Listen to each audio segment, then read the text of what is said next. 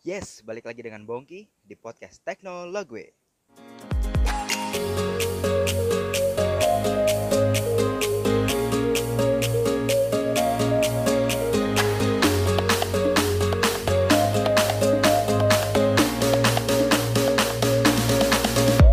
Oke, kita membahas apa sekarang ya? Mungkin yang lagi rame aja di minggu ini. Um, teman-teman nyadar nggak kemarin tanggal 5 Maret itu jam 8 itu di beberapa TV swasta itu siarannya terblok ya. Terblok sama siapa? Terbloknya sama Vivo ya. Jadi Vivo Vivo itu ngeluncurin smartphone terbarunya V15 untuk seri yang non pro ya kan sebenarnya V15 tuh ada yang V15 aja ada yang V15 Pro tapi sayangnya yang Pro itu nggak masuk ke Indonesia saat ini nggak tahu nantinya ya. Nah gimana? Teman-teman udah ngeliat nggak sih kemarin peluncurannya dengan segala macam kehebohannya itu? Dengan berba banyak banget brand ambasadornya Vivo ya dan terkenal terkenal gile juga ya. Dan juga yang lagi terkenal banget hmm, di Ayunda juga jadi brand ambasador Vivo saat itu. Nah teman-teman tahu nggak sih Vivo itu siapa? Gue sih pertama kali tahu Vivo itu mungkin beberapa tahun yang lalu ya dua tiga tahun yang lalu. Um, oh lebih deh mungkin empat atau lima tahun yang lalu ya. Saat itu gue masih ngelihat siapa sih Vivo ini ya? Kok kesan pertamanya kok agak apa ya brandnya agak uh, sedikit agak norak ya menurut gue gitu ya. Karena waktu itu um, strategi marketingnya itu loh yang aduh boneka-boneka di pinggir jalan uh, apa sih maskot maskotnya itu di pinggir jalan. Maskot maskotnya itu di setiap tokonya aduh agak nggak enak dilihat mata ya. Eh tapi ternyata menurut gue sampai saat ini Vivo itu jadi salah satu perusahaan yang sangat inovatif ya gitu ya. Oke mungkin gue pengen cerita dulu. Berdasarkan yang gue tahu ya Vivo itu uh, gimana sih ceritanya? Vivo itu sebenarnya perusahaan teknologi komunikasi dari China itu ke dimiliki oleh BBK Electronics.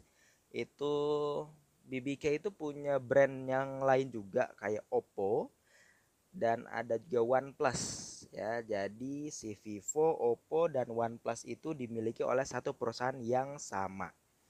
Ya di mana si Vivo sendiri ada di bawahnya yaitu sebagai Vivo uh, Communication Technology gitu kalau nggak salah.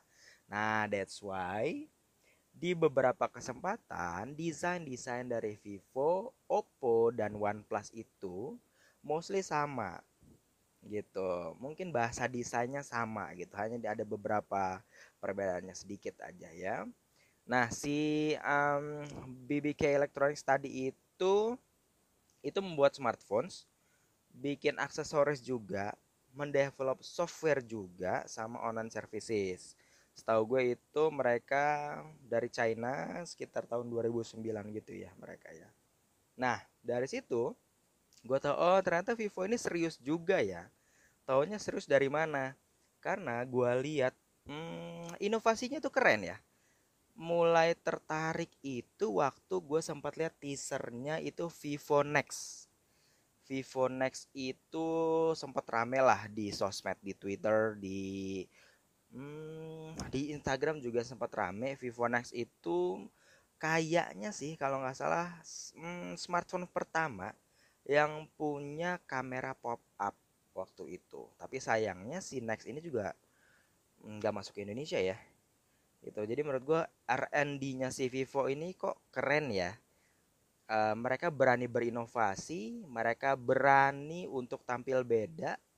Nah sampai waktu itu mungkin sekitar di bulan Oktober gue sempet ngeliat tuh Vivo V11 Pro. Oh iya iya iya. Gue ingat juga waktu itu di tahun lalu juga itu ada V9 V9 Pro itu uh, sorry v, Vivo V9 itu launching itu sampai ngeblok berapa TV swasta deh 11 deh kalau nggak salah ya. Nah dari itu gue mulai notice nih wah Vivo berani banget dia launching V9 ya waktu itu. Itu ngeblok berapa TV swasta dan mereka menjual handphonenya seharga 3 3 sampai 4 jutaan waktu itu. Wow, nggak tahu ya. Hmm, kira-kira kejual berapa sih si V9? Lalu itu imbang nggak ya dengan ongkos promosinya menggandeng banyak banget TV swasta itu ya. Nah, sampai benar-benar coba untuk ngelirik Vivo itu di V11 Pro. Karena waktu itu V11 Pro itu yang pertama kali punya hmm, in-display fingerprint sensor. Nah, gue sempat ngeliat tuh di era phone V11 Pro tuh keren banget ya ternyata. Mereka punya tadi tuh in-display uh, fingerprint, mereka punya dua uh, apa ya istilahnya dua fast engine charging dan mereka punya layar AMOLED.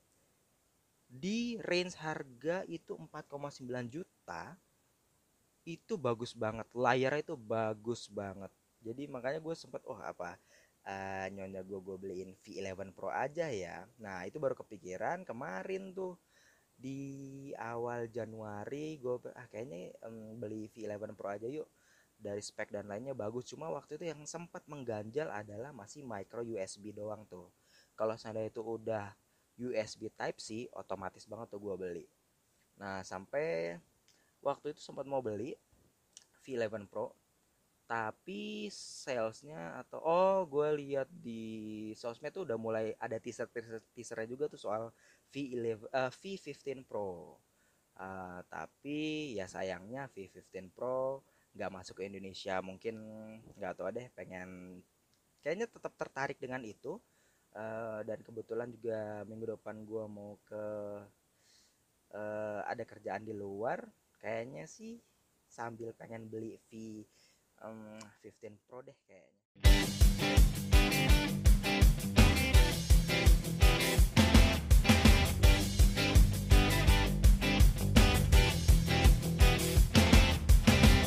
Gue pengen bahas mengenai in detail dari V15 yang baru aja diluncurin tanggal 5 Maret kemarin di Indonesia yang Vivo tadi gue bilang menggandeng ada 5 TV swasta dan heboh banget acaranya ya. Um, apa ya keunggulan dari V15 ini yang benar-benar jadi keunggulannya dan itu jadi bahan marketingnya banget itu ada ada di kameranya teman-teman. Kameranya gimana? Kameranya itu mereka punya AI triple kamera. Wah keren ya mereka punya AI triple kamera dan um, yang gue tahu kameranya ini itu ada tiga di belakangnya di mana masing-masing itu punya hmm, yang pertama punya 12 megapiksel kamera utamanya terus punya kamera ultra wide itu 8 megapiksel dan juga mereka punya 5 megapiksel kamera untuk itu untuk depth sensornya. Gitu ya ada triple kamera di belakangnya. Dan yang paling kerennya adalah mereka punya pop up selfie kamera. Wow wow banget ya. Mereka punya pop up selfie kamera itu um, dengan 32 megapiksel. Wow, gokil ya. Uh, eh, gue dulu sempet sempet wah kira-kira kamera-kamera model gini ini tahan lama nggak ya? Karena sebelumnya pernah lihat juga di ya, yang pernah gue pegang langsung itu ada di Oppo Find X ya. Karena kalau di Vivo Nex tadi gue nggak pernah megang sama sekali barangnya. Nah kira-kira akan tahan lama nggak sih tapi ternyata sih Vivo mengklaim si kamera uh, pop up dengan 32 megapiksel ini sudah diuji Sud, uh, itu bisa naik turun sampai 50.000 kali terus bisa membendung tekanan sampai dengan 15 kg dan kecepatan naik turunnya itu kencang banget kalau nggak salah cuma 0,4 detik. Nah, itu itu itu sih uh, klaim dari uh, Vivo-nya ya. Nah, itu dia tuh. Um, itu yang jadi tagline-nya banget. Makanya di V15 ini mereka punya tagline-nya tuh go up ya. Uh, itu merefleksikan kameranya yang bisa pop up. Oh, gitu. Keren ya. Keren banget. Ya, lalu apalagi keunggulannya? Keunggulan kedua dari si um, Vivo V15 ini adalah uh, layarnya teman-teman layarnya itu nah uh, karena didukung kamera selfie yang pop up tadi itu memberikan tempat yang luas dari Vivo V15 untuk punya layar yang lebih luas lagi. Karena karena mereka nggak ada notch sama sekali di depannya mereka nggak ada punch hole sama sekali di depannya dan mereka benar-benar uh, clean layarnya. Ya uh, si Vivo sendiri itu menyebutnya dengan Ultimate All Screen ya Ultimate All Screen mereka punya 6,53 inci. Screen to body ratio-nya sampai dengan 90,95 persen. Gitu. Resolusinya sudah uh, full HD plus ya ukuran 1080 kali 2340 itu juga dan sayangnya yang V15 ini belum AMOLED. Nah uh, V15 ini masih mengusung layar yang IPS ya. Nah, that's why gue agak agak penasaran sama si yang versi Pro-nya karena sudah AMOLED juga. Gitu. Terus apalagi teman-teman yang jadi keunggulannya juga dari soal layar tadi adalah layarnya ini sudah Corning Gorilla Glass juga, Corning Gorilla Glass 5 ya. Terus mereka punya adaptive brightening juga ya uh, uh, adaptive brightness ya di di layar tersebut gitu. Nah untuk apalagi ya um, untuk di ininya sendiri untuk di dapur dapur pacunya ya istilahnya ya. Untuk mereka itu pakai SoC dari MediaTek Helio P70 itu kayaknya sih sama kayak beberapa seri dari Oppo ya. Gitu ya. Mereka punya RAM 6 GB juga yang dirilis di Indonesia kemarin. Um, dan mereka punya ROM sebesar 64 GB. Nah, tapi mereka juga punya slot micro SD itu, uh, jadi kita bisa nambah sendiri untuk kapasitas dari uh, ROM-nya, gitu. Nah, apalagi yang jadi keunggulan dari V15 itu, kalau gue lihat keunggulan yang ketiganya adalah dari um, sisi baterai ya, ya karena baterai uh, baterainya itu mereka punya 4000 mAh baterainya tuh gede banget ya. Gue pakai Note 9 sekarang itu juga 4000 mAh loh uh, kapasitas baterainya. Nah si Vivo V15 ini menawarkan kapasitas baterai yang ha, yang sama dengan Note 9 yang gue pakai. Sedangkan Note 9 ini gue beli dulu seharga 13,5 juta. Si V15 itu hampir seperempatnya ya mereka nawarkin cuman 4,4 juta rupiah. Gitu gokil ya. Mereka punya baterai kapasitas uh, mereka punya kapasitas baterai yang besar. Dan juga mereka sudah didukung oleh OS terbaru. Mereka sudah pakai Android 9 udah pakai Android Pie dan dikostimisasi dengan Vantage OS 9.0 khasnya dari Vivo. Nah, jadi dengan baterai segitu, dengan OS yang terbaru, gue yakin sih um, kerja dari uh, Vivo V50 ini akan sangat efisien ya. Apalagi mereka punya fitur untuk memaksimalkan baterai uh, yang dinamakan dengan adaptive battery. Nah, adaptive battery ini sendiri itu didukung dengan AI. Semuanya serba didukung AI ya. Uh, dan AI ini yang membuat Vivo V15 itu lebih efisien dalam menggunakan fitur-fiturnya. Gitu, itu setahu gue. Dan keunggulan juga dari sisi baterai adalah untuk chargingnya mereka itu didukung oleh um, dual engine fast charging. Gitu jadi mereka punya menurut gue sih mereka lumayan cepat ya untuk uh, dual engine fast charging ini. Itu pengisian daya juga cepat pengisian daya juga efisien dan ya itu itu keunggulan dari sisi baterainya teman-teman menurut gue itu. Terus uh, apalagi keunggulannya? Um, ini relate dengan si layar tadi. Layarnya itu gede banget walaupun masih ada sedikit tebel di bagian dagu tapi layarnya itu clean gitu ya. Mereka layarnya clean nggak ada notchnya nggak ada pansolnya uh, menurut gue itu yang bisa menimbulkan sensasi multimedia yang asik Oke, kita mungkin pengen lihat, pengen nonton YouTube, pengen nonton apa pun dari sisi multimedia mungkin keren tuh karena layarnya itu penuh ya. Layarnya tuh gede karena tanpa notes tadi. Lalu ini juga pasti buat teman-teman yang gamer itu juga akan enak tuh main-mainnya gitu. Oh ya untuk soal gaming ini sendiri kalau nggak salah si Vivo ini juga punya fitur untuk gamer namanya itu um, AI game uh, namanya itu GameCube ya namanya itu GameCube. Jadi ini punya AI-nya juga GameCube ini di mana itu bisa memaksimalkan pengalaman gaming teman-teman semua gitu. Jadi uh, mereka nanti kalau uh, mereka itu bisa memblok notifikasi mereka bisa uh, reject telepon yang masuk mereka tetap bisa menjalankan aplikasi game itu ketika layar mati.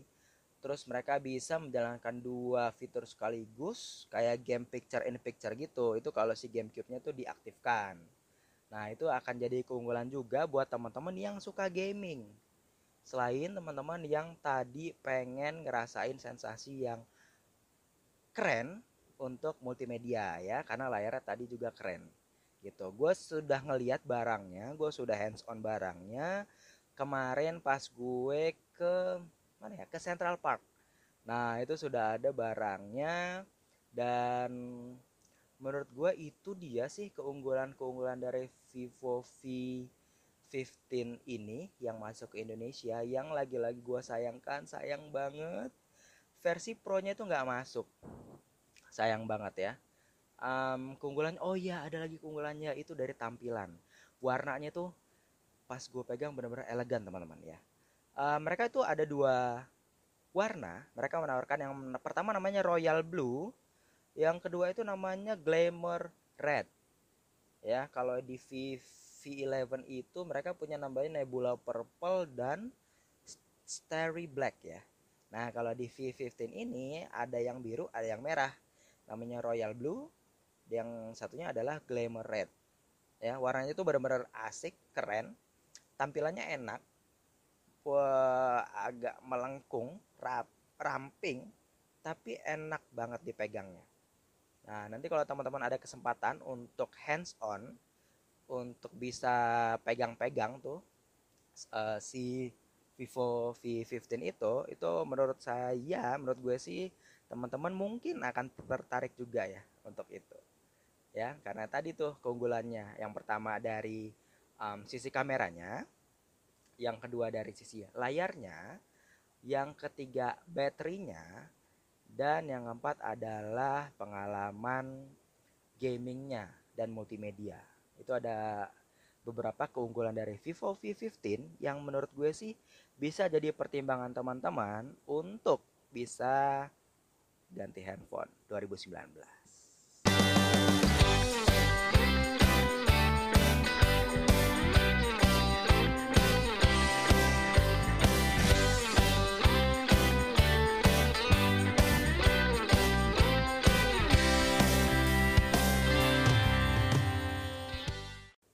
Oke, okay. segmen terakhir, gue pengen me, uh, eh, gue pengen memberikan, pengen ngasih tahu, gue pengen ngasih tahu, um, kira-kira V15 ini bisa didapatkan dengan cara gimana? Oke, okay. uh, jadi si v, uh, Vivo V15 ini uh, masih pre-order, itu mereka di mereka buka harga 4 399 ribu.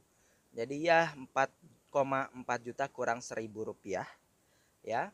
Dan seperti yang teman-teman lihat saat launching kemarin program pre-order ini sudah berlaku sejak tanggal 5 Maret kemarin.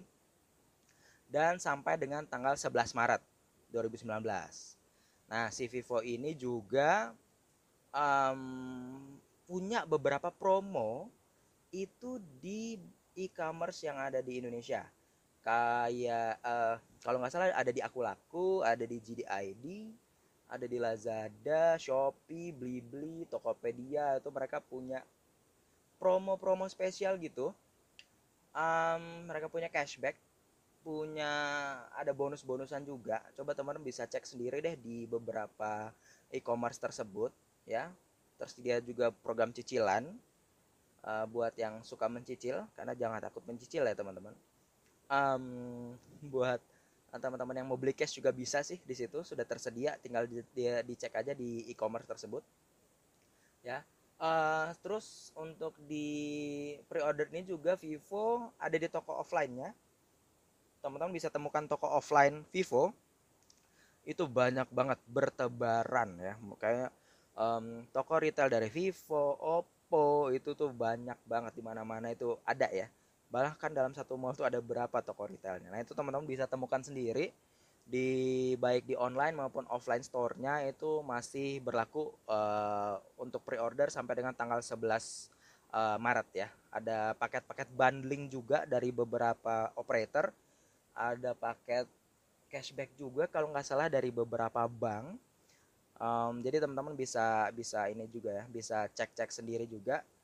Um, di beberapa toko tersebut ya so itu dia um, ujaran gua tentang Vivo V15 yang baru aja launching tanggal 5 Maret kemarin dan mungkin ini bisa jadi referensi teman-teman yang udah saatnya 2019 ganti handphone uh, dengan harga yang 4,399 juta rupiah teman-teman bisa punya handphone baru dari merek yang menurut saya menurut gue sih inovatif yang punya triple AI kamera, punya pop up selfie kamera, punya layar yang keren, um, punya desain yang oke, okay, punya warna yang celing, dan dihargai dengan harga yang sangat mantap. So V15 go up, spek mantap, harga caka.